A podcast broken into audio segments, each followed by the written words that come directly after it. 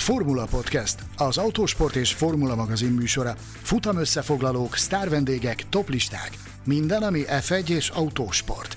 Ha szeretnél hozzájárulni a műsor készítéséhez és fejlődéséhez, látogass el Patreon oldalunkra, amelynek címe www.patreon.com per Formula Podcast. A Formula Podcast virtuális stúdiójában Betlen Tamás, Gellérfi Gergő Melyek voltak a szágódó cirkusz történetének legnagyobb fölényt hozó évei? Találunk-e Verstappennél dominánsabb versenyzőt a Forma 1 almanapjában? Üdvözlünk minden autósport szurkolót a Formula Podcast harmadik évadának 48. adását hallhatjátok. Köszöntöm kollégámat, Gellér Figergőt. Hello, sziasztok! Engem Betlen Tamásnak hívnak, és barátommal ezúttal arról beszélgetünk, hogy az F1 históriás könyvében mikor és kik hagyták legjobban faképnél a mezőnyt, hogy minél előbb bezsebelhessék a világbajnoki címünket. Tartsatok velünk! Azt hiszem, mielőtt belevágunk a téma precíz és pontos feldolgozásába, egy nagyon fontos kérdést kell tisztáznunk, hová tűnt Mészáros Sándor. Hát igen, ezúttal nem Démon Hill tűnt el, hanem Mészáros Sándor. Sanyinak az utolsó utáni pillanatban egy váratlan, ellenben halaszhatatlan dolga akadt, de terveink szerint nem kell a héten nélkülöznetek a pusmorgás pápát sem, hiszen az aktualitásokról, elsősorban pilótapiaci kérdésekről szóló, talán a mostaninál rövidebb adással még készülünk a héten, úgyhogy, úgyhogy Sanyit is hallhatjátok majd. Most viszont, hát ha jól számolom, akkor első alkalommal történik meg az a rendkívüli dolog, hogy Tamással ketten beszélgetünk. Bízom benne, hogy így közel tíz év ismerettség után azért megtaláljuk a közös hangot így is. Rögtön az elején a, erre az ismerettségre és barátságra hivatkozó zavarba hozlak. Hányadik adásnál tartunk? 190 valamennyi. A, félig meddig sikerült 192. adás, igen. Ennyit kellett várni arra, hogy, hogy Sanyi ne szerepeljen, de ez nem pontosan így van, hiszen ő maga szokta mondani, hogy volt egy műsor, amit egyedül én hoztam össze, és ott sem kapott mikrofon, de ettől eltekintve majdnem mindegyikben ott volt, és te is majdnem mindegyikben ott voltál, ugye azt az egyet kivéve talán. Mm, nem, idén kettőt kihagytam, amikor kirándulni voltam, de Gobodics és Balog Tamás tényleg, szenzációsan tényleg. Hely, helyettesítettek. A, a kollégáinkról megfeledkeztem, hogy ők gyakran beugranak és megmentik a helyzetet. Innen is üdvözöljük őket, és, és köszönjük szépen a, a segítő szándékukat és a jó téteményüket. Beszéljünk akkor arról a témáról, amiért mi most itt összegyűltünk ketten ígértél valamiféle aktualitást is, nyilván a, a három sorozatban lebonyolított európai futamot követően, illetve a három hetes szünet végéhez közeledve mi juttatta éppen ezt a témát eszedbe, hogy domináns Form 1-es versenyzők, mondhatni világbajnokok? Egészen pontosan világbajnokok. Hát ugye mindenek előtt az, hogy Max Verstappen a hétvégén bebiztosíthatja karrierje második világbajnoki címét, és bizony Max Verstappen ugye egy meglehetősen domináns szezont fut idén, ami azt illeti erre a bizonyos listára, hogyha a szezon véget érne, tehát ha véget ért volna Monzában, ha csak eddig tartott volna a világbajnokság, akkor Max Verstappen ezen a listán a, a nyolcadik helyre kerülne minden idők legdominánsabb F1-es szezonjait illetően. És hát ha olyan formában folytatja, mint amit mostanában láttunk tőle, akkor az sem kizárt, hogy a szezon végén még, még ennél is magasabbra kerül majd ezen a, ebben a rangsorban. Megfogalmazódik egy kérdésben nem rögtön az elején, mert meg még jó sok meg fog fogalmazódni, és erről szerintem még nem beszéltünk a te személyeddel kapcsolatban, hogy ugye te e, nyelvekkel, és még mivel is foglalkozol az egyetemen? E, hogy hogyan ez a statisztika? Nyelvek és irodalom. És irodalom. Na igen, szóval a statisztika meg a számok, erről még beszéljünk egy kicsit, mert e, nekem is már valószínűleg e, éremedett koromra való tekintettel e, halványok az emlékeim, hogy a matematikához is van neked valami között kapcsolatod, vagy csak egy szerelem? Jártam két évet matematika tagozatos gimnáziumba, utána váltottam egy, egy nagy fordulattal a humántudományok felé, ettől függetlenül a matematika az, és különösen a statisztika az mindig közel állt a szívemhez, és emellett a Microsoft Excel nevű programmal imádok bűvészkedni, és hát ebben a Ebben a témában az erre az adásra való felkészüléshez bizony nagy szükség volt a Microsoft Excelre, hiszen a a domináns világbajnokok rangsorát kizárólag statisztikai alapon számszakilag állítottam össze. Ezzel neked is kedveztem, mert ugye az ilyen rangsoros adásokban mindig számon szoktad kérni, hogy hát a, a bajnoki ponttábla az nem viszonyul a mi rangsorainkhoz. Na most itt szubjektív szempontokat egyáltalán nem vettem figyelembe, kizárólag néhány ő, különböző számadatot. És akkor, hogyha ragaszkodunk a, a matematika szabályaihoz, meg a meg a matematika elvárásaihoz, akkor most az elején tisztázzuk, hogy milyen számokat, megmutatókat írtál bele ebbe a táblázatban, hogy kalkuláljon ez az Excel. Ugye itt az volt a kérdés, a, amire választ kerestem, hogy mennyire az adott versenyzőnek mennyire volt domináns a világbajnoki szezonja, azaz menny, mekkora fölényel utasította maga mögé a mezőnyt, mennyire uralta az adott évet. Három három mutatóból indultam ki. Az egyik a győzelmek száma, pontosabban aránya, tehát hogy az összes futamból hányat nyert meg az adott versenyző, továbbá, hogy hány futammal a vége előtt biztosította be a bajnoki címet, itt is természetesen súlyoztam azt szerint, hogy hány futamból állt a szezon, hiszen ha belegondolunk, hogy a Mihály Schumacher például ugye 2002-ben hat futammal a vége előtt lett világbajnok, ilyet például Alberto Ascari 1952-ben nem tudott volna, amikor összesen 8 futamból állt a szezon, tehát ugye itt erre is tekintettel kell lenni. A harmadik pedig a pont előny még hozzá oly módon, hogy mekkora előnyben volt az adott pilóta a második helyezethez képest, azaz ö, Hát itt is százalékosan kellett mérni a változó pontrendszerek és stb. és hasonlók miatt, tehát hogy Na érted, hogy, hogy mekkora előnyel utasította mögön még a második helyezettet, és ha már szabályok, akkor még három dolog. Az egyik, hogy minden versenyzőnek a legdominánsabb szezonját vettem csak figyelembe a rangsorban, mert van olyan pilóta, például Mihály Schumacher, például Jim Clark, hogy csak kettőt említsek, akik többször is felkerülhettek volna listára, de akkor kevesebb névről beszélhetnénk. Továbbá az 50-es években nem vettem figyelembe az Indi 500-akat, amelyek ugye a világbajnokság részei voltak hivatalosan, de hát nem is ugyanolyan autókkal futották őket, és gyakorlatilag a lehető legritkábban ö, indult ott ö, a világbajnokság többi futamán induló pilóta, illetve ugye volt olyan időszaka az F1-nek, amikor a bajnoki pontversenyben nem az összes futam számított bele, hanem ugye mindenkinek csak mondjuk a legjobb 11 eredménye a 16-ból. Az ilyen szezonok esetében a pontszámokat tekintve a teljes tehát az összpontszámot vettem figyelembe, nem csak azokat, amelyeket végül a mínuszolás után beszámítottak a pontversenyben. Így tehát ugye a, a részletek ez alapján jött ki, ezen szempontok alapján alakult ki a rangsor, és annyit még hozzátennék, hogy mivel itt tényleg nem volt szubjektív vonal, biztos vagyok benne, hogy, hogy a sorrendel, a sorrendet lesznek, akik más milyennek érzik. Hogy ennyit mondjuk spoilerezzek, nem a 2002-es Mihály Schumacher bajnoki cím végzett a lista első helyén, de biztos vagyok benne, hogy sokan úgy érzik, hogy ez volt a legdominánsabb szezon valaha.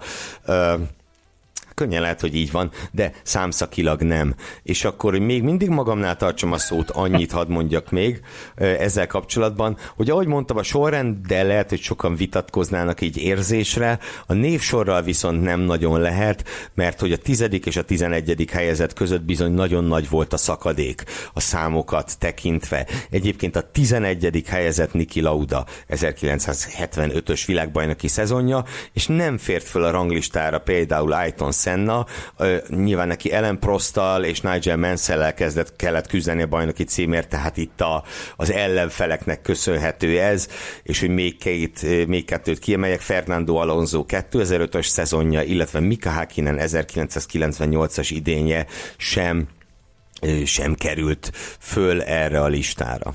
Ugye már sokan panaszkodnak jelenleg is a, a bajnokság pillanatnyi állásánál, a holland fiatalember teljesítményét látva, hogy domináns, esetleg néhányan azt is megkockáztatják, hogy néhol már unalmas az a történés, amit látunk. Ehhez képest előzetesen hajlandó vagy elárulni egy Verstappen az eddigi idei teljesítménye alapján hova sorolható ezen a listán. Van-e okunk Természetesen, panaszra? tehát Természetesen, tehát hogyha az olasz nagydíjjal ért volna véget a világbajnokság, és ez a 16 futam alkotta volna a szezont, akkor Max Verstappen a nyolcadik helyre kerülne, tehát a nyolcadik legdominánsabb világbajnok lenne számszakilag. És hogyha ne adj Isten, megtörténik az, amire már szerintem fogadni is lehet a, a különböző bookmakereknél, nevezetesen, hogy a, következő versenyeken mindig szerencséje lesz a, a tudása és a technikája mellett, és, és behúzza az összeset, akkor mennyire tud fejönni majd ezen a listán? Erre ránéztél? Ö, nem, nem, erre nem néztem rá, ö, de egészen magasra. Lehet, hogy nem az első helyre, de egészen magasra. Tippelni én úgy a harmadik hely környékét tippelném, de ennek utána kéne nézni, tehát hogyha mind a hat hátralévő futamot behúzná, ö, azért az nagyon durva lenne. Tehát ugye akkor ö, így is nagyon jó esély van arra, hogy Verstappen az egy szezonban szerzett legtöbb győzelem rekordját, illetve a legtöbb pont rekordját megdönti, de ugye ha ez megtörténne, akkor a, a sorozatban szerzett futamgyőzelmek rekordját is átírná, amit ugye jelenleg listánk két szereplője tart. Még egy kérdés a statisztika összeállításáról, hogy körülbelül mennyi időt töltöttél ezzel, mert amilyen mutatókat, meg változókat itt mondtál, és az arányosításokat szóba hoztad, elképesztő, hogy mi mindent kellett figyelembe venni. Mennyi időbe került, amíg ezt te, te összeraktad? Őszintén szóval nagyjából két óra hossza, azután, hogy kitaláltam a rendszert, tehát az, hogy milyen mutatókat és milyen súlyozással vegyek figyelembe, az, az tartott tovább. Egy-két óra alatt megvoltam, megvoltam vele, nyilván elsősorban már emléket, említett Microsoft szoftverben való, hát hadd mondjam ki a gyártasságomnak, ha az nem szerintelenség, szóval annak köszönhetően. Nem, nem, nem, de akkor uh, milyen podcast történeti pillanat következik, hogy uh, élőadásban kérlek fel arra, hogy uh, légy szíves ezt a, ezt a témát a, a legfrissebb autós volt és Formula magazinba is valahogy passzíroz be, vagy esetleg jobb benne majd az évzáró uh, számba beletenni ezt a Szerintem szikkecskét? csináljuk az évzáró számba, amikor már tudjuk, hogy Verstappen végül is mit tudott alkotni. Én azt gondolnám, hogy oda lenne úgy stílszerű. Meg tudod, hova lehetne még bepasszírozni? Egy könyvbe, vagy esetleg kettőbe, de egybe mindenképp. Na mindegy, erről majd beszéljünk. Térjünk rá a listára, de még mielőtt kimondjuk, hogy ki a tizedik helyezett ezen az összesítésen, van természetesen egy külön díjasunk is, mert hogy egyik listáról se hiányozhat külön díjas. Meg kell, hogy mondjam, hogy azért ez valóban nagyon furcsa lenne, hogyha megfeledkeznénk eh, Johan Rintről, aki ugye 1970-ben posztomús szerezte meg a világbajnoki címet. Mit kell tudni az ő eh, abban az évben nyújtott teljesítményéről, és, és eh, te miért gondoltad, hogy külön díjas legyen? Johan Rindt a Formula 1, mint azt jól tudjuk, egyetlen posztumusz világbajnoka, akit halála után avattak bajnoknak. Uh, ugye Rindt esetében itt is, hogyha dominanciáról beszélünk, Ugye Johan Rindt 9 futamot teljesített 1970-ben, összesen 13 futamból állt a világbajnokság, és ebből a 9-ből 5 öt versenyt megnyert, halála pillanatában pedig 45 pontja volt, míg a legközelebbi üldözőjének, Jack Brabhamnek 25 óriási fölényel vezette a bajnokságot, és hát ugye úgy is világbajnok lett, hogy a 13 futamos szezonnak a, a tizedik verseny hétvégén elhunyt, de már nem, nem tudták az üldözők behozni őt, és hát ez a 9-ből, 9-ből 5, ez, ez elképesztő teljesítmény. Egy olyan korban, ahol a megbízhatóság nyilván hát hogy mondjam, a megbízhatóság az mindenképpen jóval kisebb volt, mint manapság. Rind kiemelkedett abból a mezőnyből, és hát, és hát ugye úgy, hogy tényleg a szezon egyharmadán már nem lehetett ott, így is világbajnok lett, ezt mutatja szerintem a legjobban, hogy ő mennyire, mennyire dominálta azt az 1970-es szezont, és hát ugye Johan Rindt tényleg ugye azt mondhatjuk, hogy a Formula egy egyik, egyik abszolút legendája, és én azt gondolom, és azért is akartam az ő produkcióját kiemelni, hogy ne csak amiatt emlékezzünk rá, mert posztumusz világbajnok, hanem azért is, mert, mert tényleg az a 70-es szezon az, az egészen szenzációs volt. Ugye Monzában hunyt el, és arról szól a, a legenda, de hát ez valószínűleg valóság és nem legenda, hogy hogy elmaradtak az eredményei a, az időmérőn a hazai versenyét futó Ferrari-hoz képest, és ezért a szárnyakat eltávolította az autóról, és így, így indult neki ennek a futamnak, ami egyszerűen mai szemmel nézve, vagy ma, a mai fejünkkel nézve elképesztő. És így, így tudott Ugye, olyan... A... Igen? Mond. Annyit csak hat pontosítsak, hogy edzésen történt még a, még a haláleset is, tehát nem a nagy díjon, de igen.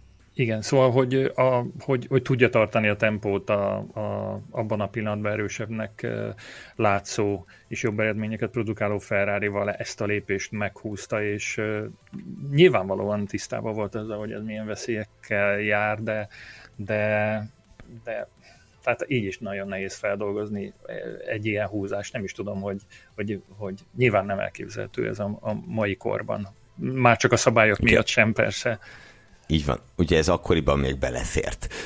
Már hogy a szabályok ott a keretekbe belefért, és ugye nem ez volt az egyetlen kockázat, amit Rint vállalt, hanem a másrészt pedig az is, hogy a biztonsági öve nem volt túl szorosra húzva, és a az utólagos jelentése, mert hogy ő nem szerette a túlszoros a biztonsági öv, és az utólagos orvosi vizsgát, vagy a halott kém jelentés szerint a, a végzetes sérülést, bár nagyon sok sérülése volt, mert óriási volt a becsapódás, de a végzetes sérülést az az okozta, hogy lejjebb csúszott az autóban, amiatt, mert hát nem volt rendesen bekötve.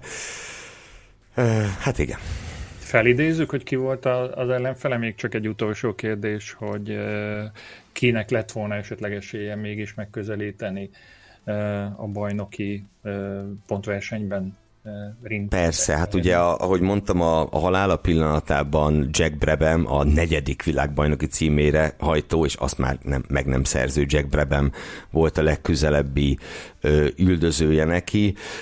Végül viszont ö, végül viszont Jackie X volt az, aki, akinek esélye volt úgy szóval elvenni Rint világbajnoki címét, viszont Jackie X a az utolsó előtti futamon az amerikai nagydíjon, vagy az USA nagydíjon csak negyedik lett, és ezzel ezzel eldőlt a világbajnokság, tehát az utolsó verseny előtt már világbajnokká koronázták Johan Rintet, ő, ő legalábbis ugye képletesen szólva, és ugye a felesége kapta meg a, a világbajnoknak járó díjat.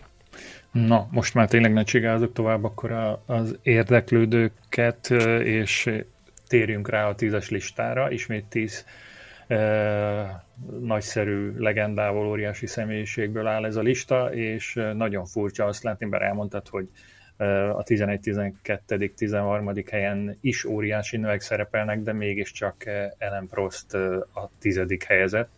Gyakorlatilag azt mondhatjuk ezzel, hogy Ellen Prost olyan ellenfelek ellen küzdött minden minden szezonjában, amikor világbajnok tudott lenni, akik nem nagyon engedtek neki akkora fölényt, mint, mint az előtt állóknak. Ezt jól foglaltam össze, és melyik volt végül is ez az évad, ahol, ahol a legjobb eredményét futotta? teljesen jól foglaltad össze. Ez az 1993-as szezon volt, de említsük meg, hogy a 85-ös szezonja is nagyszerű volt Prostnak.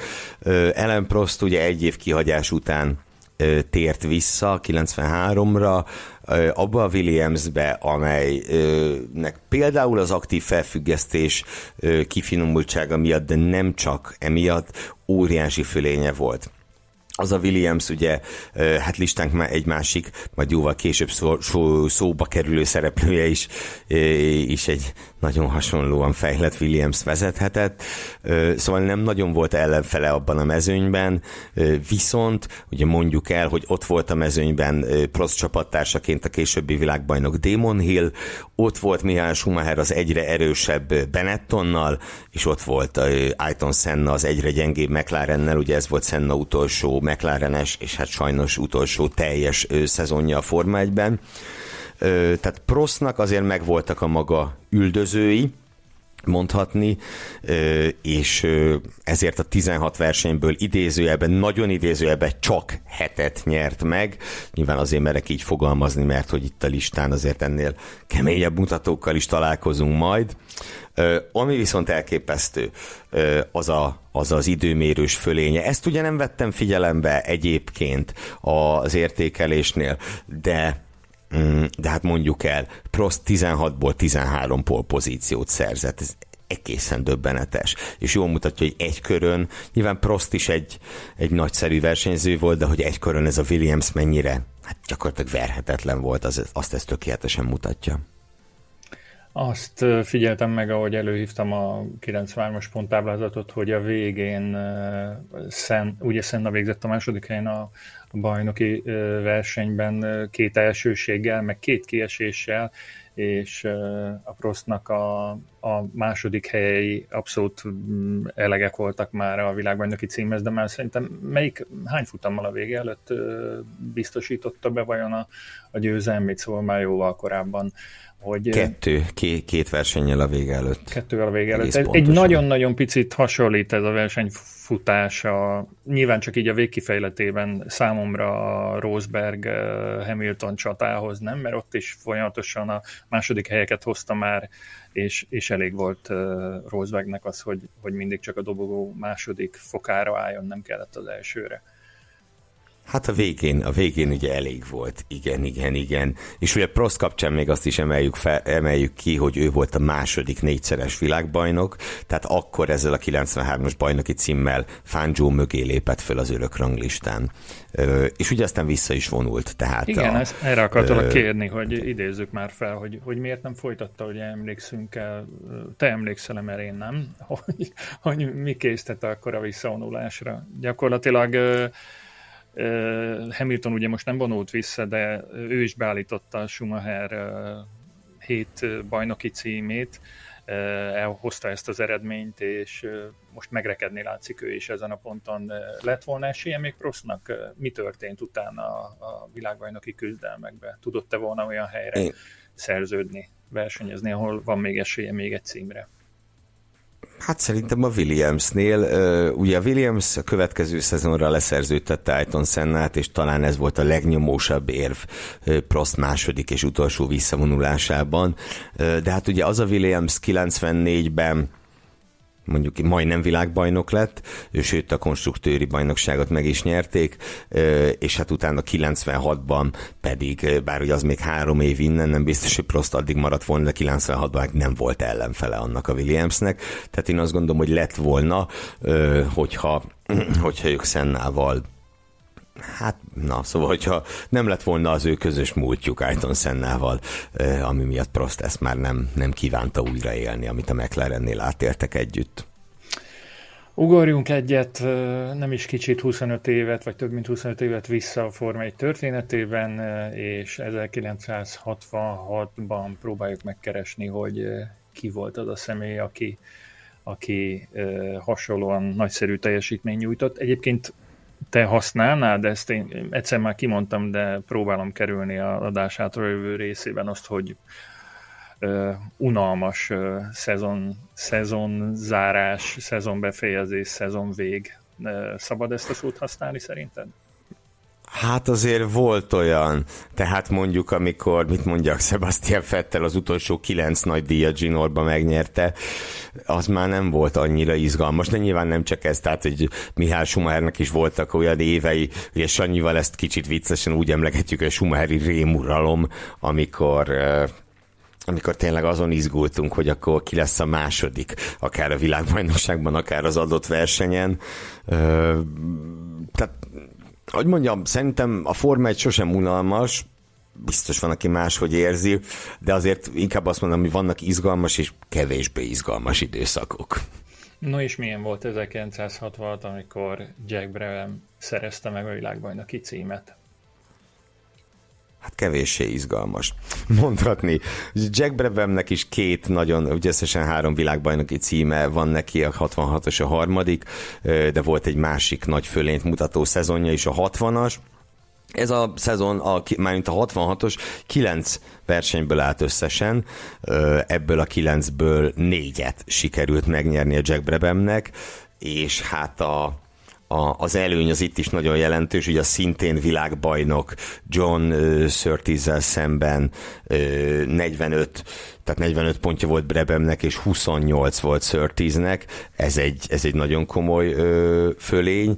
Ö, nyilván itt a pont arányok számítanak, tehát a 17 pont kimondva nem egy olyan hű, nagy előny, de hát a 45-28 az meg, az meg igen jelentős, és hát ő is kettő futammal a vége előtt lett világbajnok, de úgy, hogy a 9, ö, 9 nagy díjból álló szezonban mm, nagyon-nagyon jelentős fölény. Ami meg hát, hogy mondjam, a, a, a hőstethez tartozik, az ugye az, hogy ő a saját csapatával, a Brebemmel nyerte meg a világbajnoki címet, aztán a következő évben kikapott a saját beosztottjától, Danny Hume-tól. Ez is a, az egyik legkülönlegesebb története az F1 történetének, azt hiszem. Ebben a második szezonban, amikor kikapott a, a saját csapattársától, mondhatni beosztottjától, nem lehet semmi szándékosságot felfedezni? Utólag vannak erre konteók, hogy esetleg direkt engedte át a dolgot, vagy a jelek egész másra utalnak, valódi küzdelem volt? Nem, nem, nem, szó nincs erről. Valódi küzdelem volt, de azt ugye tegyük hozzá, hogy Hjulmnak nem kellett a kezére játszani a Brebemnek, tehát úgy tűnik legalábbis, meg a korabeli beszámolók szerint, hogy a feltételek egyenlőek voltak, de szándékos átengedésről semmiképpen sem beszélhetünk, és ugye ha Prostról elmondtuk, hogy, hogy Fangio után ő volt a második, aki elérte a négy világbajnoki címet, akkor Brebemről is mondjuk el, hogy ő volt a második Fangio után, aki a három világbajnoki címet elérte, ugye ezzel a 66-os győzelemmel. És hát ugye kérdezted, hogy milyen volt ez a szezon, még annyit hagyd tegyek hozzá, hogy a megbízhatósági problémák itt egészen elképesztőek voltak, Brebemet is sújtották, tehát az a négy győzelem akár több is lehetett volna, de azt hiszem a legjobban a legjobban a megbízhatósági problémákat az illusztrálja, hogy John Surtees úgy lett bajnoki ezüstérmes, hogy a futamok több mint felén kiesett.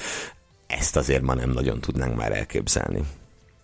Igen, azt hiszem, hogy 2022-ben valahol máshol uh, tartanak a, a Forma 1-es csapatok technikában.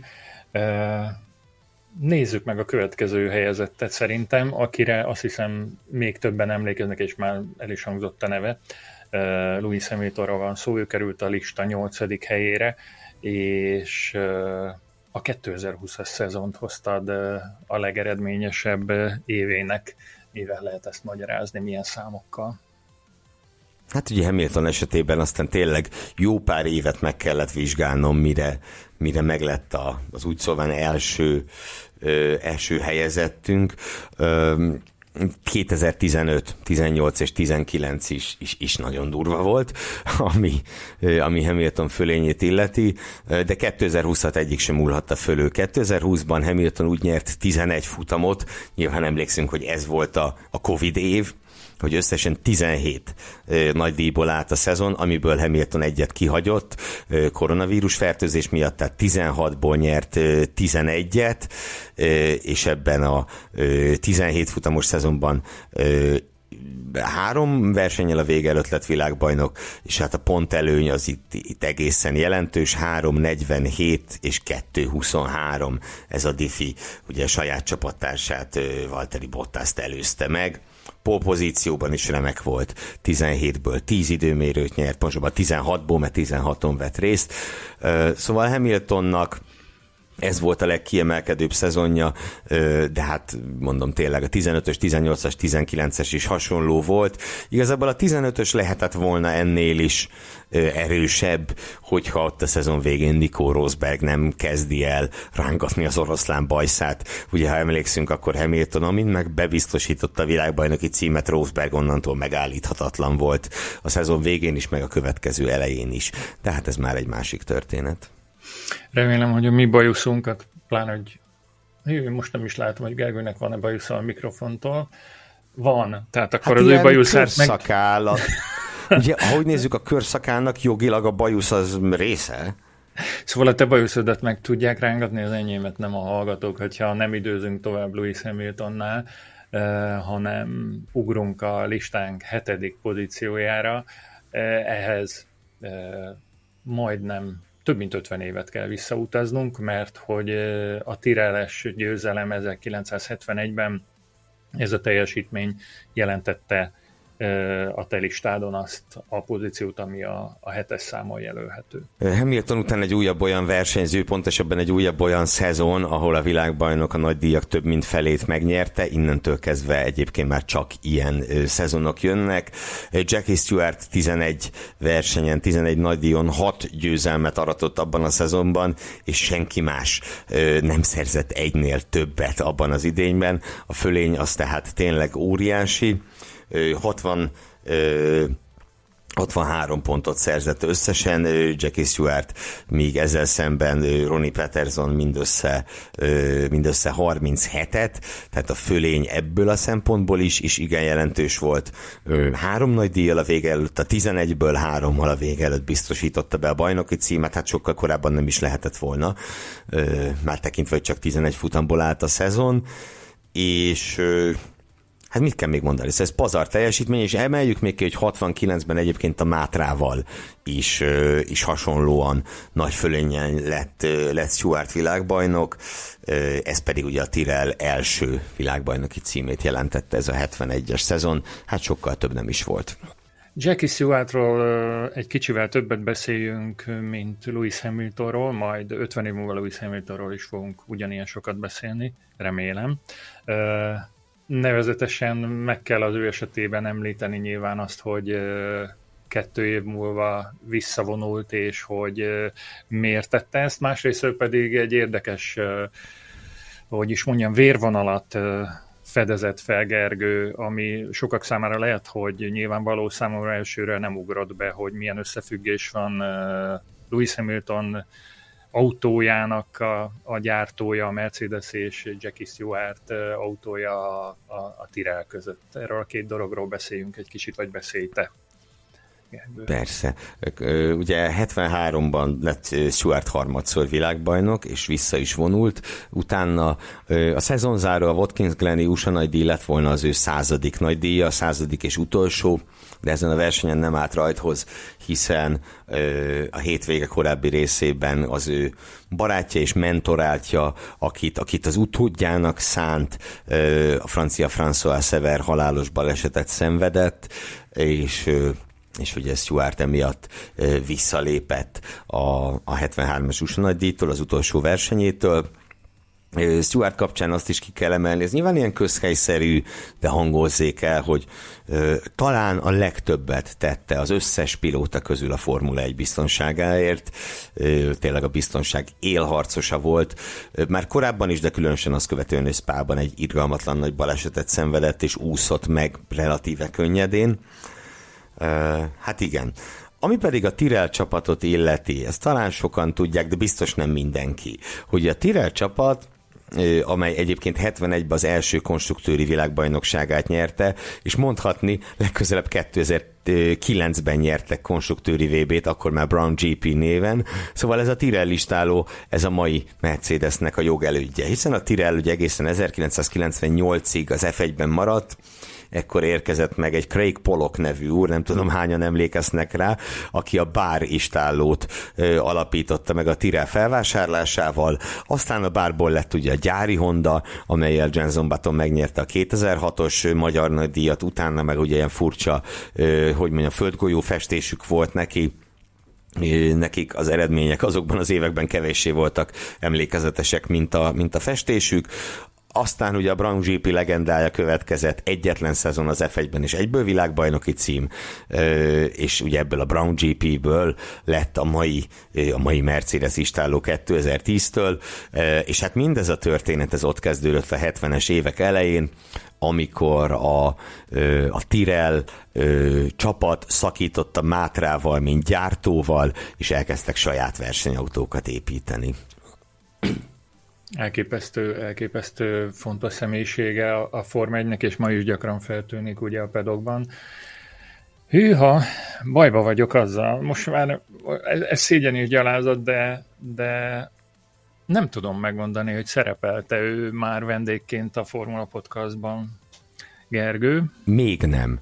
A helyes Ugye? válasz még nem. Még nem, de biztosak lehetünk de benne, hogy, hogy van, aki dolgozik ezen az ügyen, hogy, hogy megszólaljon ő is, hiszen, hiszen És a... bízom benne, hogy a lista következő szereplője is meg fog egyszer szólalni nálunk.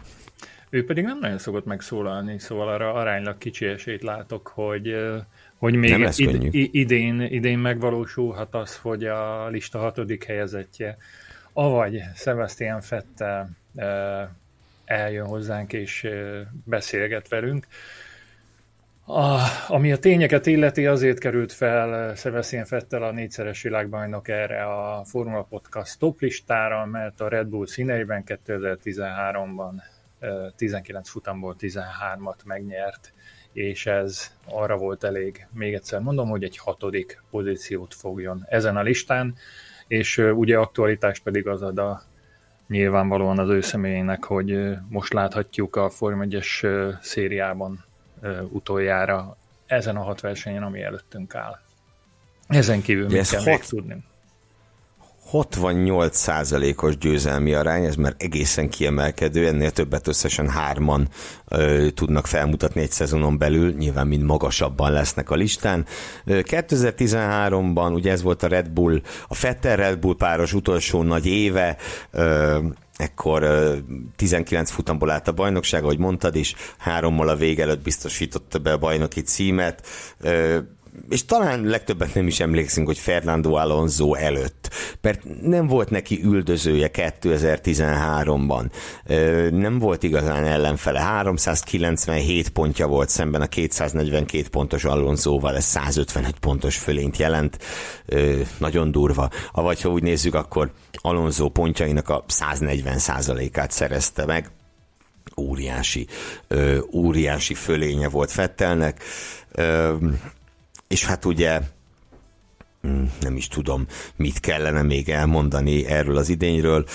Ugye neki a, talán az idényről még mondjuk el, hogy a, a nyári szünet előtti utolsó nagy díjat megnyerte Louis Hamilton a Mercedes-szel, és akkoriban a Mercedes egyre erősebbnek tűnt, és talán még azt is gondolhattuk, hogy a, a nyári szünet után Hamilton, ha nem is veri meg, de legalább ugye ne feledjük, akkor még idézőben csak egyszeres világbajnok volt Hamilton, szóval legalább megkergeti Fettelt a bajnoki címért. Hát, nem így történt.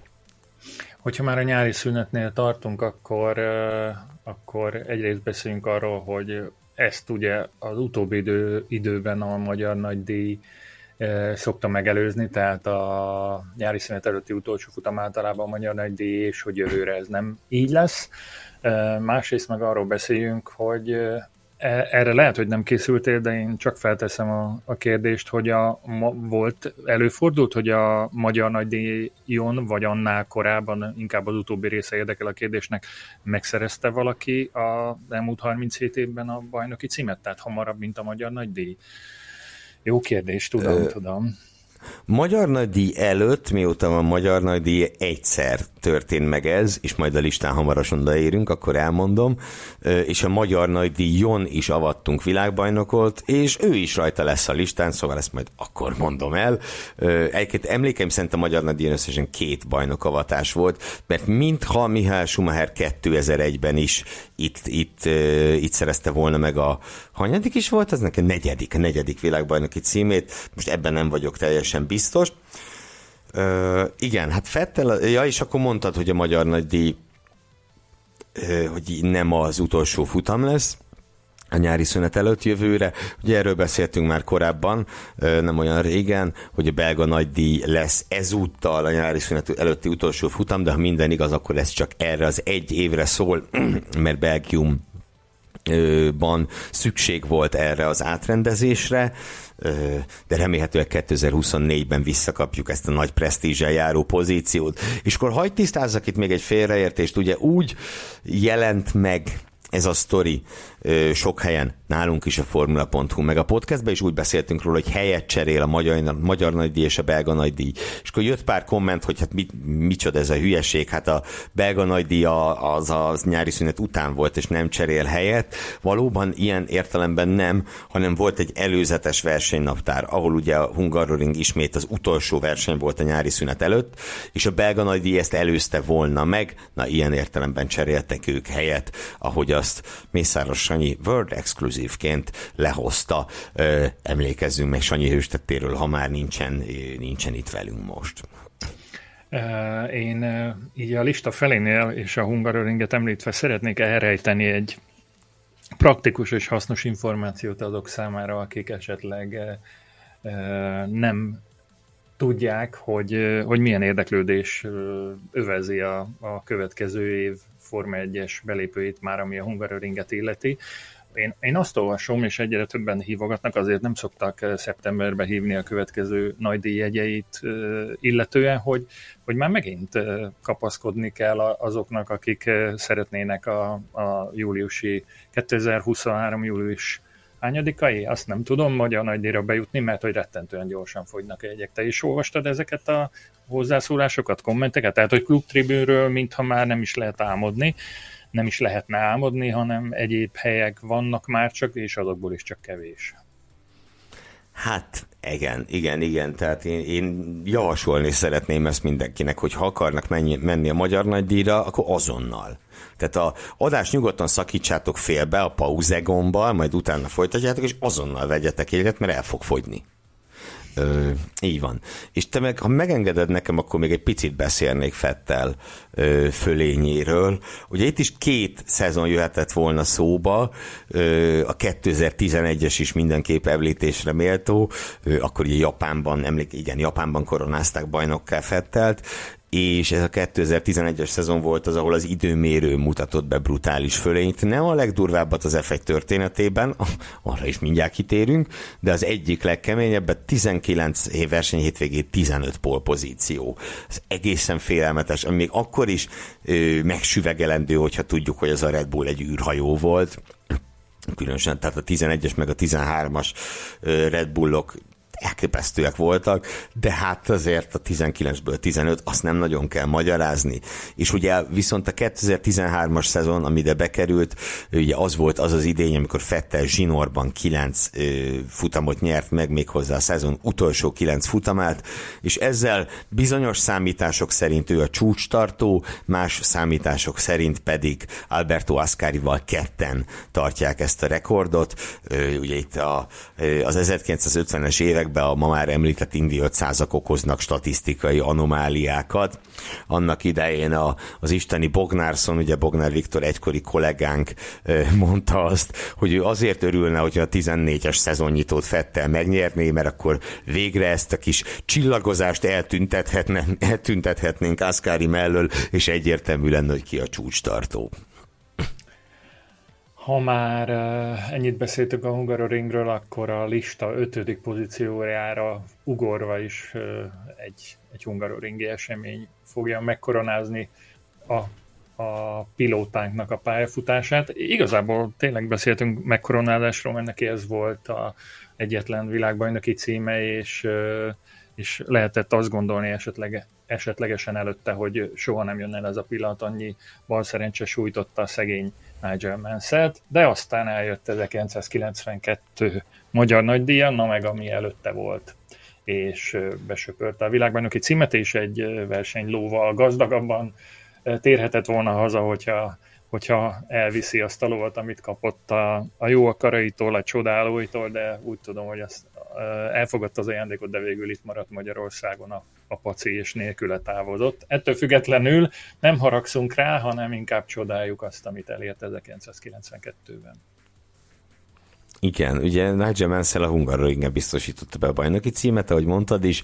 Ez a 16 futamos szezonból 5 verseny még hátra volt, ez az öt hátralévő verseny ennél csak egyszer fordult elő, hogy ennél is korábban bajnok lett valaki, és egyébként azt is mondjuk el, hogyha Verstappen Szingapurban világbajnok lesz, akkor ő ezt, ezt a második helyet fogja, mint egy kivívni magának Mansell oldalán. Mi kell ehhez? Ez ugye azt jelenti, hogy ez... Hogy? Mi kell ehhez, hogy világbajnok legyen Szingapurban, hogy csak hogy éhezgessük egy kicsit a hallgatókat?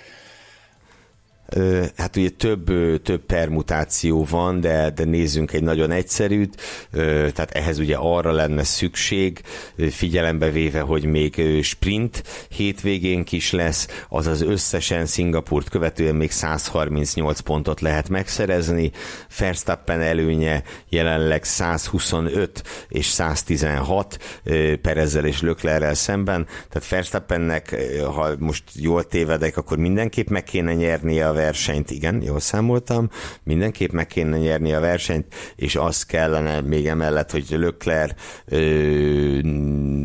gyakorlatilag, hogy nullázzon, és Perez is nagyon kevés pontot szerezzen, tehát még nem dölt el, sőt, még matematikai esélye George Russellnek is van, de hát igazából szerintem mindenkinek már csak matematikai esélye van, ha jobban meggondoljuk. Tehát összességében azért sok minden kell ehhez, én azt gondolom, hogy a, a Suzuki bajnokavatása a sokkal-sokkal valószínűbb jelen helyzetben. Na, akkor térjünk vissza messzerre, ahonnan én lavíroztalak el. Mi okozta az akkori győzelmi fölényét, illetve a, a korai világbajnoki címét? Hát ugye a Williams, a Williams űrhajóját említettük, tudom, ezt használtam az előbb a Red Bullra is, de hát erre az autóra, erre a 92-es, 3-as Williamsre tényleg nem lehet más mondani ezt említettük Ellen Prost kapcsán korábban, és hát a fölényük talán még sokkolóbb volt, mint 92-ben. A másik, ugye ő 16-ból 9 futamot nyert, tehát több, mint a versenyek felét megnyerte. Egyébként akkoriban ez rekordot jelentett, tehát ő megdöntötte az egy szezonban aratott győzelmek csúcsát ezzel a 9-essel. Szóval azért is lehetett az ő bajnoki címe még fölényesebb, mint Ellen Prosté, mert ha bár Ricardo Patrézét nem lebecsülve és minden mm, elismerés megérdemel, de a, de a 93-ban Damon Hill az egy erősebb csapattárs volt, mint 92-ben Mansell számára Patréze, Úgyhogy ez valószínűleg ennek is köszönhető, és hát majdnem kétszer annyi pontot szerzett, mint a bajnok ezüstérmes, aki a csapattársa volt, 108-56, ez volt a pontarányuk. És hát ez önmagában mindent elmond, hogy a csapattársad a második, és majdnem kétszer annyi pontot szerzel. Hát hasonlót, hasonlót talán csak Mihály Schumacher tudott. És, Legalábbis volt... a modern időkben, mert a korai érában azért voltak hasonlók. Fontos, fontos tisztázni szigorúan szakmai szempontból, hogy a, ha már egyszer szóba jött a bajusz, hogy az ő bajusz viseletének vajon mennyi szerepe volt a te véleményed szerint abban, hogy végül megszerezte a világbajnoki címet. Ebben szerintem kevés, de az egészen bizonyos, hogy a Formula 1 történetének egyik a legemblematikusabb bajuszáról beszélünk, és ugye hát amikor megvált tőle, az egy, az szerintem egy nagyon szomorú pillanat volt. Tehát emlékszem, amikor először láttam Menszelt a bajusz nélkül, nem tudtam hova tenni, ki ez az ember. Na, de hogy mondjunk valami komolyabbat is, itt is a polpozíciókat emelném ki, ez, ez konkrétan a legdurvább az F1 történetében, 16-ból 14 ez elképesztő. 16-ból 14 polpozíció. Fettelnek az iménti 19-ből 15, 2011-ből az is, az is többenet, de hát ez, erre szavak nincsenek. Most már muszáj megkérdeznem, hogy mi történt 92-ben azon a két versenyen, ahol nem ő szerezte meg a polpozíciót. Hát Lehet, mindenek hogy... előtt az történt, hogy más más szerezte meg a polpozíciót, oh. De mindjárt, mindjárt mondok neked ennél konkrétabbat, bevallom, ennek nem néztem utána így előre, de hát ugye szerencsére mindenféle dolgok ki vannak itt nekem nyitva. Illetve ha én vezetem, a, én vezetem a műsort kérdések szempontjából, akkor azért igen, tehát fel kell, hogy készülj mindenféle táblázatokkal, mert különben nem tudsz felelni az Különben zavarba hoznak engem, de hát tanuljunk együtt valamit. Ugye az első ilyen eset az 92 kanadai nagydíj, ahol Ayton Senna egy szűk tizeddel verte Patrézét, és szűk két tizeddel Menszelt, ez volt a Hát na, a Forma 1 története talán legjobb időmérős menőjének Ayton Sennának az egyetlen pólja abban az évben és a másik pedig a magyar nagydíjon esett meg, ahol egy bő másfél tizedet adott a csapattárs Patréze Menszelnek. Ennyi. Ennyi. Az összes többi polpozíció, az összes többi rajtelsőség Menszellé volt ebben a szezonban. Közeledünk a pódiumhoz, a dobogóhoz, de még van egy negyedik helyezettünk, és ugyan a, a hétszeres világbajnoki címe miatt sokan azt gondolhatják Mihály Schumacherről, hogy fölfér erre a a pódiumra, de nem. Gergő talált egy olyan statisztikai számítási módot, amivel mi Schumacher nem számít a három legdominánsabb világbajnok közé a Forma 1 történetében. Ennek ellenére 2002-ben valami olyat teljesített, amiről azt gondoltuk sokan, hogy, hogy megismételhetetlen. Mi történt ebben az évben? Nézd, mint mondtam, hogyha szubjektíven kellene erről nyilatkozni, valószínűleg ezt a szezont mondtam volna, és azt is emeljük ki gyorsan, hogy a modern időkben a legdominánsabb világbajnok Mihály Schumacher, a dobogó majd a régi időkre megyünk vissza, ennyit előre bocsáthatok. Mm, nyilván más volt a helyzet, mert sokkal kevesebb nagy álltak a, álltak a szezonok, régi világban, de hogyha azt is hozzátesszük másfelől, hogy a megbízhatóság, ahogy azt ma már arról már beszéltünk, az, az, az sokkal-sokkal rosszabb volt mint manapság, akkor azt mondhatjuk, ez valamelyes kiegyenlíti a képet. Szóval Schumacher, hát itt is három idén jöhetett volna szóba, 2001, 2002 és 2004, Ugye 2004-es egészen elképesztő volt, ezt, ezt mindenképp emeljük ki gyorsan, hogy ott 18-ból 13-at nyert, azaz ugye Fettel elő ketten tartják a győzelmi rekordot. Hát ha Verstappen is úgy, úgy akarja, akkor ez így marad, de szerintem nem fog.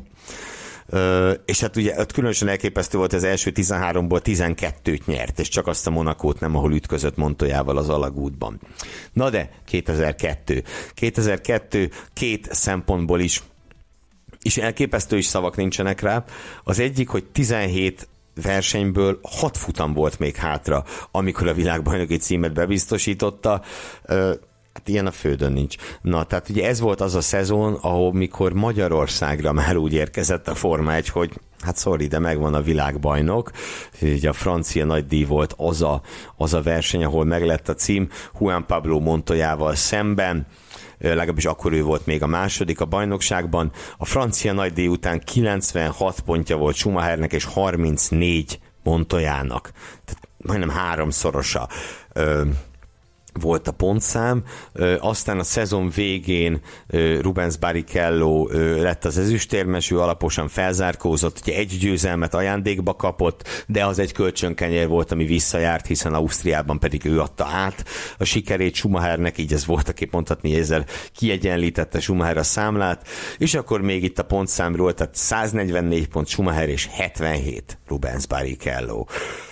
Hát na, Azért ez elég durva. 20 éve bizony ilyen dolgok történtek, azért ezt idézzük fel, mert nem csak az évnek, hanem lehet, hogy az évtizednek a, a botránya is volt az, hogy olyan fölényben játszott már a Ferrari, hogy majd, hogy nem a pilóták kedve szerint ajándékozgatták egymásnak a, az első helyeket, legalábbis ezen a két futamon ez, ez nagyon sokaknál kivert a biztosítékot, és némileg megtépázta Schumachernek is a, a, a nimbuszát, ha, ha fogalmazhatok. Legalábbis elsősorban az osztrák nagy díj. Igen, tehát az, az a 2002-es osztrák nagy díj, az tényleg megalázó volt Barrichello számára. Ugye Schumacher addig, az addig eltett öt futamból négyet nyert, míg Barrichello az első három nagy díjon kiesett, Mm, nem, nem saját hibájából, Spanyolországban pedig el se tudott rajtolni, tehát egy célba érése volt összesen, és hát Spanyolország után és Schumachernek már akkora volt a fölénye, hogy 44 ponttal vezetett, őt követte a 23 és a 20 pontos Montoya és Ralf Schumacher, tehát a második, harmadik helyezetnek összeadva nem volt annyi pontja, mint Schumachernek egyedül teljesen szükségtelen volt ez, főleg azután, hogy egy évvel korábban is eljátszották ugyanezt, de hogy akkor csak egy dobogós pozíció, jól emlékszem, második hely múlott rajta. Aztán ugye Amerikában, amikor mondtam, hogy Barrichello ezt visszakapta, ugye Schumacher utána azt mondta, Hát szerintem félig viccesen, félig komolyan, attól tartok, ezt már nem fogjuk megtudni, hogy ő holt versenyt akar csinálni. Tehát pont úgy lassított vissza, megpróbált, hogy egyszerre fussanak be Barrichelloval, de 11 hát ezreddel a Forma 1 története egyik, nem a, de egyik legszorosabb befutójával végül, végül Rubens Barrichello nyerte a versenyt. Más vélemények szerint volt olyan plecska is, ezt nem Schumer mondta, hogy, hogy Schumer igazából nyerni akart, csak egy szép célfotót akart, de kicsit túl túllassította a dolgot, és így tudta őt Barrichello megelőzni. Na mindegy, de hát ez semmit nem von le. Tényleg semmit a világon nem von le Schumacher érdemeiből ebben a szezonban. Fú, hát elképesztő volt. Tehát a, ugye kérdezted, vagy beszéltünk itt erről, ez az unalmas, mint téma szóba került. Hát ez a szezon, ez, ez, ez ezért kicsit uncsi volt. Uh, tehát a versenyek több mint harmada hátra volt, amikor megkoronázták a világbajnokot. Hihetetlen és szavak nem volt olyan rá. futam, amikor ő nem volt ott a dobogón, ugye? Vagy hogy, hogy is erről? Így van, így van, így van, így van, így van. Ez is egy egyedülálló produkció, ami 2002-t illeti.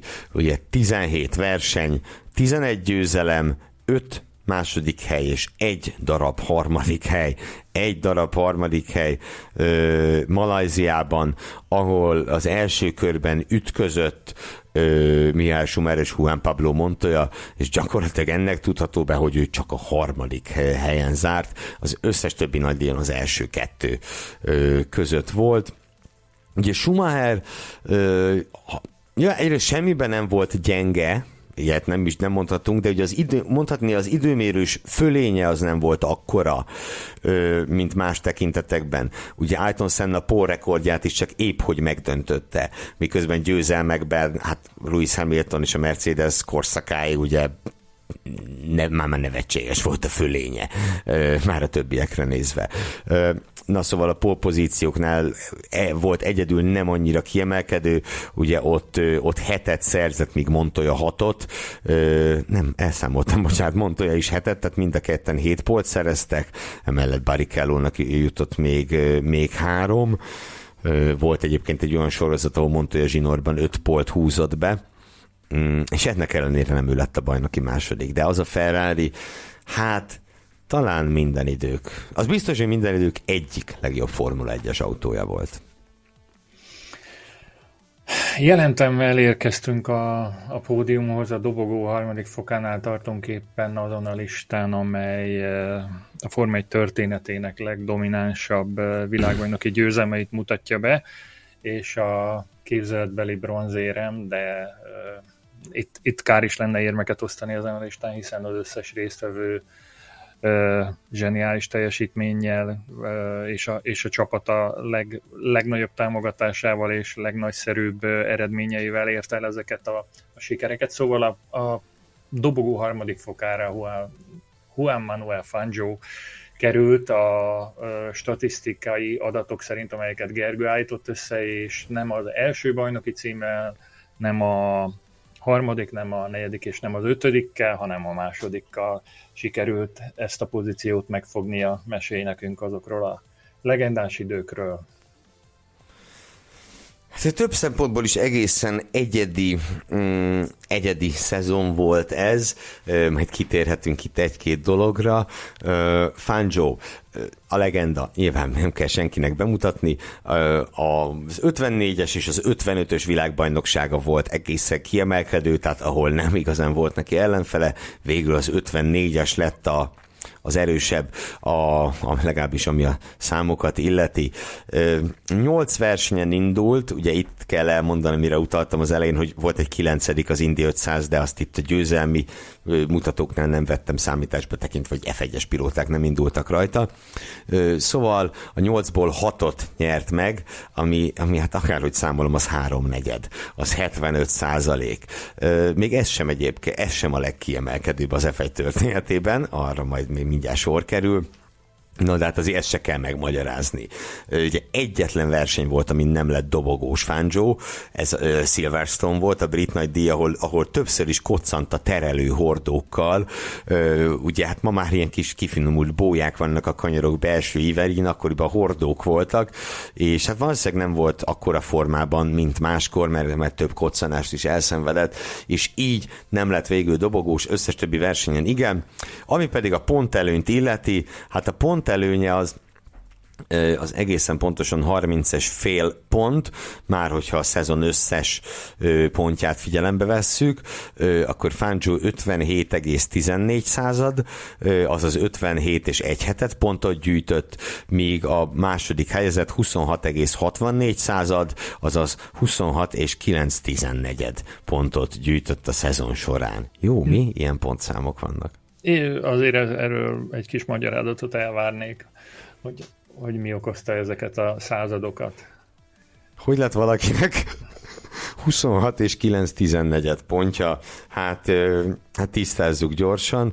Ugye úgy történt mindez, hogy ugye a leggyorsabb körét akkor járt pont, akár csak manapság, de hát akkoriban még nem tudtak ezredes pontossággal mérni, hanem, hanem csak tized másodpercre mérték a leggyorsabb kört, és ezt a bizonyos leggyorsabb kört Silverstone-ban 1.50,0-át, ezt, ezt heten is elérték, és hát így aztán mind a heten pontot kaptak, na hát nem ám úgy, hogy mindenki kap egy pontot, hanem hát soroljuk föl, mert, mert óriási nevek, Alberto Ascari, Jambera, Juan Manuel Fangio, José Froilán González, Mike Hawthorne, Onofre Marimoni, Sterling Moss is kapott egy hetet pontot, ö, így, így, így, ez hát a magyarázat. A 9-14 meg úgy jött ki, ez ugye még, mondhatni, még cifrább, hogy a, a, a bajnoki második helyezett José Froilán González a a milyen versenyen, bocsánat. Ö, most hirtelen nem találom, hogy hol, de ő, ő valahol fél, fél pontot gyűjtött, mert őszintén nem emlékszem, hogy hogyan és miért. pilótát valószínűleg, vagy autót, vagy mi, mi, mi lehetett? Va, valami, valami ilyesmi történhetett, talán pilóta cserével. Nem, azt hiszem, ott is többen érték el a leggyorsabb kört, és azért csak ott, ott mindössze ketten, és így született meg a fél pont, ha jól emlékszem erre, de hát ezt most, most nézzétek el nekem, hogyha tévednék. És Ö, akkor még egy, e, e, hát nem tudom, ha visszamennénk az időben 54-ig, akkor, és oda dobnának bennünket valamelyik futamra, mondjuk a, a szezon záróra, vagy mondjuk éppen legyen a, a Silverstone verseny, akkor akkor nem feltétlenül értenénk mindent az akkori szabályokból. Például a szezon közbeni csapatváltás ténye is meglehetősen furcsának hangozna a mai korban, hogy mi történt Fangio-val 54-ben. Hát ugye ez nem, hogy mondjam, tehát ez pont nem szabálytalan dolog, ugye a szabályokban voltak nagyon furcsa dolgok, például az autócsere, tehát ugye, hogy a, ha valaki kiesett, akkor egy csapattárs odathatta neki az autóját. Ugye ezt tette meg a Tony Brooks, a, az idén elhunyt Tony Brooks, aki egyszer átadta Fangio-nak az autóját, és hát gyakorlatilag ezzel elbukta a saját világbajnoki címét ilyesmit most képzeld el, amikor Hamilton azt mondta volna Rosebergnek, hogy gyere, gyere, gyere, hát ezt is furcsa lenne ma elképzelni. Szóval a szezon közben, közbeni csapatváltás, ugye itt, a, itt gyakorlatilag az történt, hogy Fangio megkezdte a szezont a Maserati színeiben, de amikor a Mercedes beszállt az F1-be, akkor Fangio átült a, átült a Mercedesbe. Sok minden nem változott, mert az első két nagy díjat megnyerte a Maseratival, utána pedig a következő hatból ötöt megnyert a, a Mercedes-szel, és ugye azt is mondjuk el, hogy ha már ő, ő mondhatni hűtlen lett a Maseratihoz, azért 57-be kárpótolta őket, hiszen a Maserati egyetlen egyéni világbajnoki címét 57-ben és saját maga utolsó világbajnoki címét azt megszerezte. Ugye Fangio nyert Alfa Romeo-val 51-ben, akkor 54-ben volt ez a Maserati Mercedes váltás, 55-ben Mercedes kizárólag, ezt követte ugye a a, de gyorsan akartam mondani, a Le Mani tragédia, ami miatt a Mercedes kiszállt a, a gyakorlatilag az autósportból, 56-ban a Ferrari-val lett Fangio világbajnok, 57-ben meg a Maserati-val, ugye annó egy kollégám ezt úgy fogalmazta meg, hogy ő nem nem a világbajnok autóba ült bele, hanem beleült egy autóba, és az lett a világbajnok autó. Elképesztő, elképesztő. Azért mondtam egyébként éppen Silverstone-t, mert, mert ugye szóvá tettük, hogy csak egy negyedik helyet szerzett ebben a szezonban Silverstone-ban, és hogy nem volt elég koncentrált valószínűleg, de hogy mi lehetett ennek az oka ebben az időben, én most ezt persze nem tudom, csak, csak a olvasmányaimból próbálom előszedni információt, hogy nem volt ritka, hogy az egyik futam helyszíről a másikra, vagy éppen egy tesztről, vagy éppen egy privát versenyről személyautóval vágtattak át, mondjuk éppen Silverstone-ba, és épp, hogy odaértek, épp, hogy bele tudtak ülni a versenyautóba, mondjuk egy, nem tudom, 20 órás autóút után, és, és így indultak neki egy küzdelemnek, azért ez, ez is elképesztő mai, mai szemmel, mai fülnek, hogy ilyen történetek. Persze, meg hát nézd, meg két bajnoki futam között mondjuk még beugrottak egy bajnokságon kívüli futamra, megesettek egy F2-es versenyre, hát akkoriban így ment ez. Nagyon más idők voltak. Még egy dolog itt az 50-es évek mondhatni a Fangio éra versenyét illetően, hogy ebben a szezonban 54-ben az Indy 500-at leszámítva 8 futamot teljesítettek, ahogy mondtad is, de hogy volt két olyan szezon, amikor meg csak hatot. Az, azért a, a, a következő év, a következő szezon futamainak a tervezett számát tekintve azért azt hiszem, hogy meglehetősen jelentős változáson ment keresztül a Forma 1 1950-től, akkor volt hat futamos a, az indit leszámítva a, a széria, illetve 55-ben rendeztek még eh, egyedül hat versenyt, és a klasszikus Igen, helyszínek... de bocs, azt is tegyük hozzá, hogy 55-ben többet terveztek ennél, csak a Lömani tragédia után, ugye, ami több mint 80 néző életét követelte, utána a több versenyt, hát kihúztak a versenynaptárból, tehát az egy végül is mondhatni egy ilyen lerövidített, lerövidített szezon volt. Ugye egész pontosan a francia, a német, a spanyol és a, hol, és a, bocsánat, és a svájci nagydíjat is törölték. Tehát egyébként az egy jóval hosszabb szezon lett volna, de ugye így alakult. És hogy maradhassunk még ezeknek a legendás időknek a, a futamainál, egészen 1952-ig kell visszamennünk, hogy a, a toplistánk második helyezettjét, Alberto Ascarit bemutassuk nektek, illetve elmesélje Gergő azt, hogy a Ferrari-val mit is produkált a Forma 1 harmadik szezonjában, és hogyan sikerült legyőzni egy olyan nevet, mint Juan Manuel Fangio. Ö, hát Juan Manuel Fangio 1952-ben ugye Aránylag úgy győzte könnyű. le, hogy Fa- Aránylag könnyen, mert Fangio szegény azt az évet kihagyni, ö, kihagyni kényszerült sérülés miatt. Ugye egészen pontosan Monzában ö, szenvedett nagyon-nagyon súlyos sérülést, és a és ugye gyakorlatilag az egész, az egész idényben nem tudott részt venni. Alberto Ascari, hát Na erre tényleg nincsenek szavak. Ugye volt 8 verseny a szezonban, ha beleszámolom az Indi 500-at. Ascari elment az Indi 500-ra, ezért kihagyni kényszerült a svájci nagydíjat, tehát a szezonnyitót, mert hogy ezt a, tehát ugye amikor futották a a svájci nagydíjat, akkor az Indy 500-nak már az előkészületei tartottak. Az Indy 500-ról kiesett, és aztán volt még hat futam a szezonból, és hát ő meg fogta magát, és mindet megnyerte. Na most ezzel ugye nehéz ezzel ugye nehéz vitatkozni, ráadásul a, a leggyorsabb kört is behúzta az összes, az összes versenyen, és hát a, a tökéletes szezonba ö, gyakorlatilag az rondított bele, ö, hogy a brit nagy Dion Farina lett a polpozíciós. Hát ennyi. Ö, elképesztő. Elképesztő. Hogyha a számokat nézzük, akkor ugye 7 ö, F1-es, ö, pontosabban F2-es, na erre majd hadd térjek még ki, szóval 7 ö, nagy díjból megnyert hatot, a hetediken nem vett részt, két futammal a vége előtt lett világbajnok, de hát könyörgöm úgy, hogy nyolc futamból állt a szezon, tehát ez is nagyon durva és, és egy gyakorlatilag kétszer annyi pontot szerzett, mint a bajnoki második helyezett, mert 53 és fél pontja lett Ascarinak, itt azért lett a fél pont, mert egyszer megosztott, meg a leggyorsabb kör volt, és Farina meg összesen 27 egységet gyűjtött be. Hát, ehhez nehéz mit hozzátenni.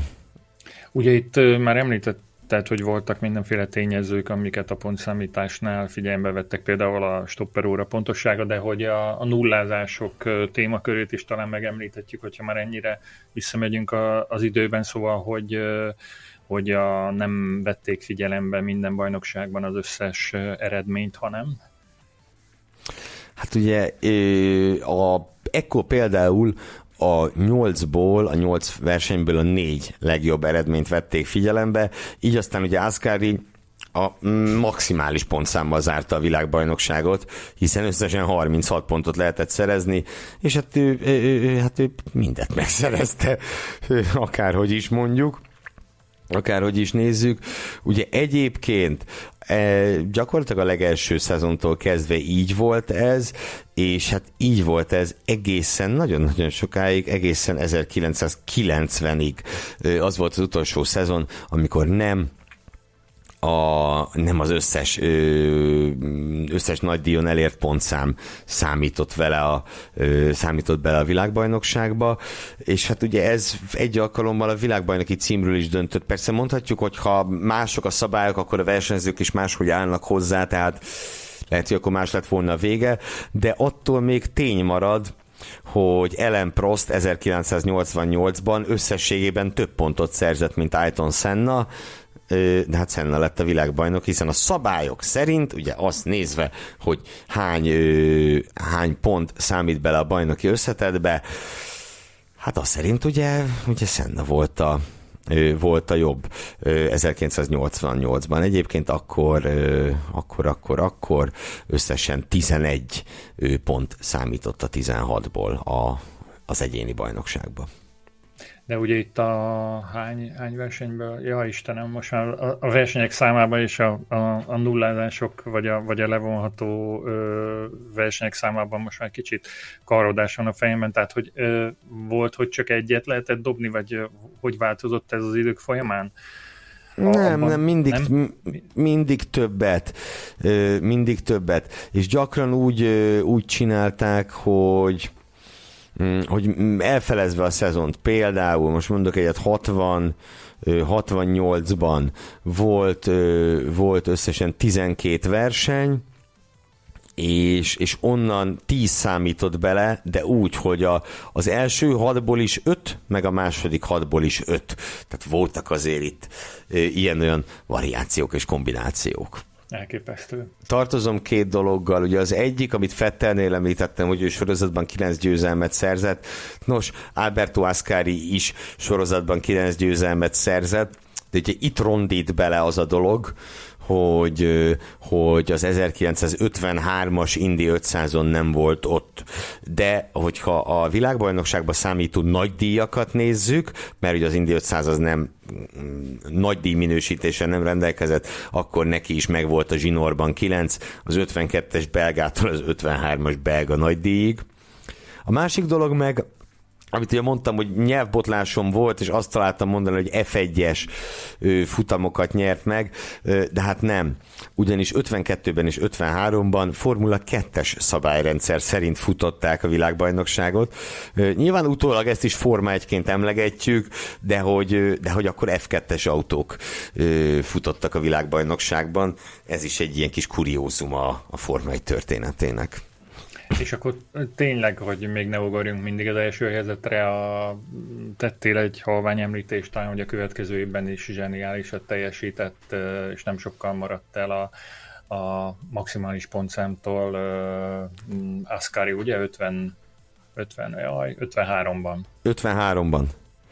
53-ban, ugye mondhatni jelentősen romlott a teljesítménye, hiszen a maximálisan megszerezhető 36 pontból csak 34 és fél került be a bajnok összesítésbe, tehát olyan értelemben ugye, hogy, hogy a bajnokságban összesen 36 pont számított be, és hát 34 és fél, ez nagyon gáz, én azt gondolom. hát na, döbbenet, döbbenet.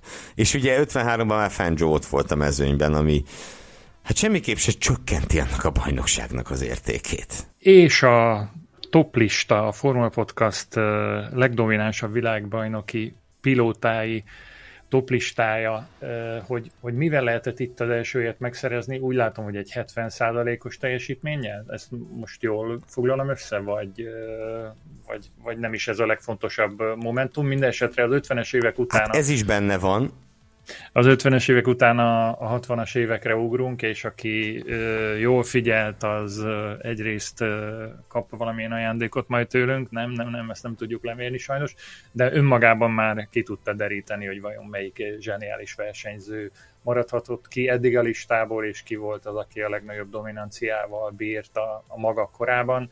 Ő nem más, mint Jim Clark, aki 1963-ban eh, szerzett világbajnoki címet olyan teljesítménnyel, amit Gergő egy első helyen jutalmazott a toplistánkon. Igen. Hát ugye Jim Clark 10-ből 7 nagy díjat nyert meg ebben az évben.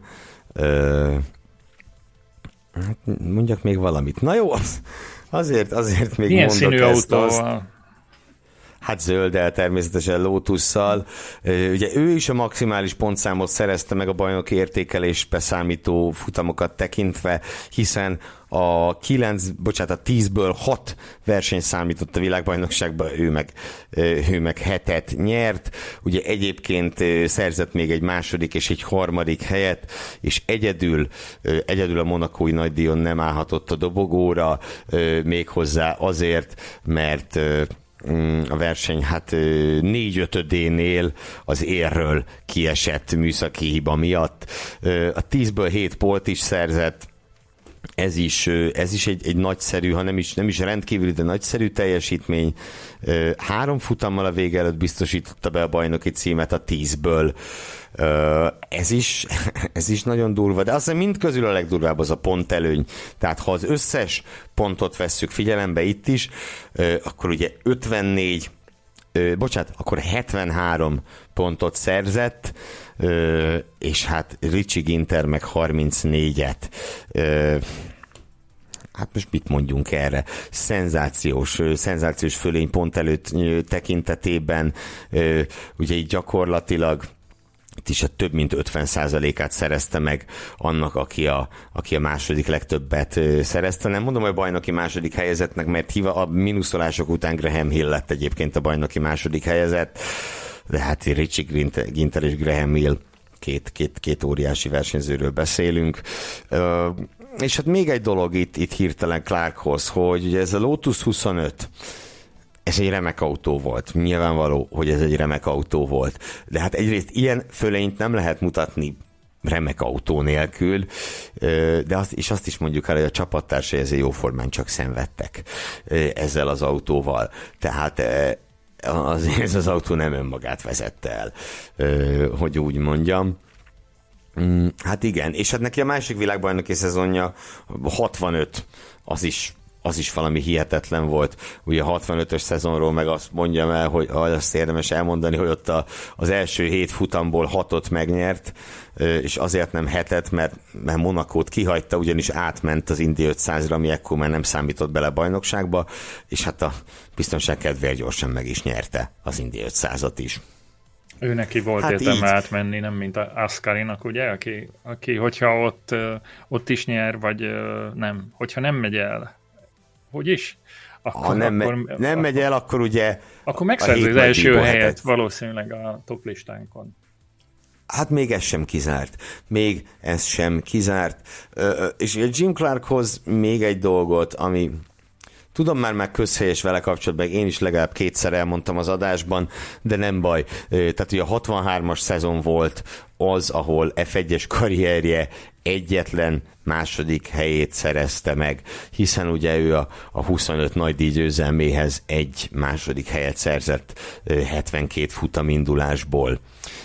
És egyébként még egy dolog Jim Clarkhoz, hogy a 63-as szezonban beállított egy rekordot, még hozzá azt, hogy az összes versenykörnek 71,5 százalékát az élen töltötte abban a szezonban, erre azóta se volt példa illetve 63 is hozzájárult ahhoz, hogy ugye van egy rekord, amit a mai napig ő tart, a legtöbb Grand Slam, hogy ez egy nem hivatalos dolog, de nagyon sokan számon tartják, hogy rajtcélgyőzelem a polpozícióból a leggyorsabb kör megszerzésével 8 ilyennel rendelkezik Jim Clark, ö, ugye összesen, összesen 72 nagy díjból, és hát a És hát a, most hirtelen nem is tudom, mit akartam még mondani. Ja igen, azt akartam még elmondani, hogy a, Mm, ugye a második helyzet ezen a listán Lewis Hamilton 6-tal, utána jön Ascari és Schumacher 5-tel, 5-tel, majd Mansell, Stewart és Senna 4-jel, azaz többségében listánk szereplői ö, állnak ennek az összesített, mondhatni Grand Slam listának az élén. Azért még azt is hozzá kell tenni, hogy még a műsor elején jutott eszembe, hogy megnézzük, hogy majd a végén összesítsük, hogy a top lista helyezettjei közül hányan vesztették az életüket autóversenypályán ilyen vagy olyan körülmények között, és a, az első két helyezett az, az sajnos versenypályán halt meg, illetve a, a, a, ugye a külön díjasunk nyilván a, a posztomus cím kapcsán egyértelmű, hogy szintén ez történt vele. Igen, de ugye azt is emeljük ki, bocsi, hogy Clark és Ascari ugye nem, nem F1-es autóban. Jim Clark egy Hockenheimi F2-es futamon hunyt el, amelyen egyébként nem is akart részt venni eredetileg, de aztán végül mégis némi nyomásra elutazott oda. Alberto Ascari meg egy kvázi mondhatni, privát gyakorláson csak beugrott egy sportautóba, hogy hogy menjen vele egy-két kört, kört Monzában, és hát, és hát vissza már nem jött. Ugye a legenda úgy tartja, hogy nem volt nála a szerencsehozó bukós isakja, amikor, amikor beült ebbe az autóba Eugenio Castellotti autójába. Egyébként ők ezt, ezt ők ketten vezették volna Monzai 1000 kilométeres versenyem, de ugye aznap nem ült volna autóba. Hát így. Így történt. Akkor egy ilyen gyönyörű lista végén nem marad más hátra, mint hogy Gergőt ismét felkérjem, mint minden listánál, hogy fordított sorrendben gyorsan szaladjon végig a, azoknak a hallgatóknak a kedvét, akik megint szeretnék ezt a 10-11 nevet azt együtt hallani. Azt mondod, akik az adás elejét nem hallgatták meg, csak a végét. az se lenne rossz pedig. No jó, nézzük tehát, tizedik helyezett, vagy csak kezdjük onnan külön díjasként említettük meg Johan Rintet az 1970-es tragikus szezonban, és akkor a lista szereplői tizedik Ellen Prost 1993, kilencedik Jack Brabham 1966, nyolcadik Lewis Hamilton 2020, hetedik Jackie Stewart 1971, hatodik Sebastian Vettel 2013, ötödik Nigel Mansell 1992, negyedik Mihály Schumacher 2002, harmadik Juan Manuel Fangio 1954, második Alberto Ascari 1952, és a lista első helyén Jim Clark 1963-ból. Azt hiszem, hogy én kiosztanék én, én is egy első helyet, vagy egy aranyérmet, vagy egy, vagy egy külön-külön díjtrófeát Gergőnek, mert ez a teljesítmény, amivel ezt a listát összehozta, ez, ez is zseniális. Remélem. És várom ilyen. a javaslatokat a szerkesztőség, vagy legközebb mit számoljak ki. Amit meg lehet számolni, ezt Gergő megszámolja, és és nem, nem például lehet megállítani. A, például a javadalmazásunk Sanyival. Az jaj, de rég volt már ez téma, jaj, de rég volt már téma. Én megszámoltam azt, hogy a 192. adást volt alkalmam meghallgatni mindazoknak, akik az elejét, a közepét és a végét is hallották. És nagyon hálásak vagyunk, hogy kitartatok, és itt vagytok velünk végig. Ismét érkezett néhány jelzés azzal kapcsolatban, hogy továbbra is akadnak olyan lelkes rajongók, akik még egyet sem mulasztottak, vagy ha mulasztottak, akkor visszakeresik a kihagyott műsorokat, és meghallgatják azt a Spotify-on és a többi netes lejátszófeleten, úgyhogy jó hagyományaink a szíven szeretnélek bíztatni benneteket, hogy hogy tegyétek ezt ti is, hogyha akadt olyan műsor, ami, ami kimaradt, akkor bátran keressetek rá, és ezt a dolgot az érdekesebb adások tekintetében mindenképpen ajánljátok a barátaitoknak, ismerőseiteknek, meg az ő feleségeiknek, és, és elvált házastársaiknak is. Bocsánat, most más nem jutott eszembe. Na azoknak külön? Hadd ajánljak én is valamit, el, elvált házastársaknak, és, és nem tudom, régi adósoknak, és kiket szeretnek még az emberek, és a BKV ellenőröknek, bocsánat, őket Ezt eljutott eszembe nekem is, hogy a hivatali alkalmazottaknak, akikkel találkoztak a következő hetekben. Mindenképpen Mit? ajánljátok a Formula Podcast mellett azt, hogy most távol lévő barátunkat, kollégánkat és harcostársunkat, Mészáros Sándort kövessétek a különböző közösségi média felületeken, az újságírói profilját megtaláljátok, a a Facebookon, az Instagramon és a Twitteren is Mesandor felhasználó néven, és hát ugye mondjuk el, hogy Sanyi a tervek szerint reméljük összejön, de a tervek szerint még jó néhány versenyen részt fog venni idén a helyszínen, és hát olyan érdekességeket is láthattok, mint mondjuk a múlt heti Alpin teszt, ahol nem csak Magyarországon, de a világon egyetlen újságíróként vehetett részt. Következő adásunkban erről is szót ejtünk majd. Fel kell, hogy kérjem a tisztelt hallgatóságot, aki még nem tette volna, meg csatlakozzon a Formula Podcast Facebook csoporthoz. Ott tudtok tőlünk kérdezni, nagyon gyorsan és nagyon hamar válaszokat ígérünk nektek és nem csak ígérünk, hanem a válaszokat fogjuk küldeni. E-mailen is eljuttathatjátok hozzánk az észrevételeiteket a címünk podcastkukacformula.hu, ha pedig bárhol máshol szóba kerülünk, akárhol az interneten, mindenhol alkalmazzátok bátran a Formula Hu Podcast hashtaget. Van nekünk egy Patreon oldalunk is, ahova szeretnélek bíztatni benneteket, hogy látogassatok el, és most megkímélem meg Ergőt, hogy elmondassam vele, nem tudom, hányat szól, 192-szer nem, szerintem még olyan régóta nincs Patreon oldalunk, hogy, hogy mi minden... 40-50? Mi minden szempontból fontos nekünk a ti támogatásotok, tulajdonképpen ebből tudunk valamennyire finanszírozni néhány olyan dolgot, ami, ami elengedhetetlen egy ilyen műsoradás összeállításához, reklámozásához, elkészítéséhez, publikálásához és a többihez. Úgyhogy aki megteheti az, lépjen fel mindenképp erre az oldalra és támogasson bennünket. Ezt szeretnénk kérni. Javasoljuk még azt is, hogy hallgassátok MotoGP-s testvér podcastünket, amelynek a neve Formula Motocast, és rendszeres adásokkal jelentkezik a két kerekű világbajnokság világából. Ugye ott most van egy eléggé szomorú ö, tény, bejelentés, nevezetesen, hogy egészen biztosra vehető, hogy 2024-ben mégsem lesz MotoGP futam Magyarországon, de erről majd hallhattok a Formula Motocast adásában Balog Tamás és... Ugye ki, bocsánat, csak ugye a 90-es években volt, és azóta már többször nem volt. Tehát ugye korábban is volt már olyan, hogy lesz, aztán nem. Én azért nagyon bízom benne, hogy egyszer majd tényleg lesz. Tök jó lenne. Ezzel kapcsolatban is lehet egyébként egy, egy posztot nyitni, lehet, hogy én leszek az első, aki, aki, aki ezügyben lép, és tudunk egy jót vitatkozni azon, hogy ha már a, a hajdunánási pályán nem fog ez 2024-ben megtörténni, akkor vajon egy másik pályán meg tud-e, megtörténhetett? Tudom, hogy ez politika, meg, meg gazdaság, meg sok minden más, de, de tudunk ezen egy jót beszélgetni, vitatkozni. Esetleg és csináltunk egy tipjátékot. Hm? Tipjátékot.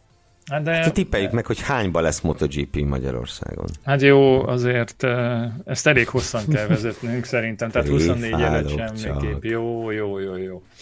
Jó, akkor azt hiszem, hogy tényleg a leges legvégére értünk, mármint a műsoridőnek, és ilyenkor nem marad más hátra, mint hogy munkatársaim, barátaim, szerkesztő kollégáim, Gellés Gergő és az ezúttal hiányzó Mészáros Sándor, a képek és borítók mestere Füzi András, valamint Hilbert Péter művészeti igazgató nevében is elbúcsúzzam.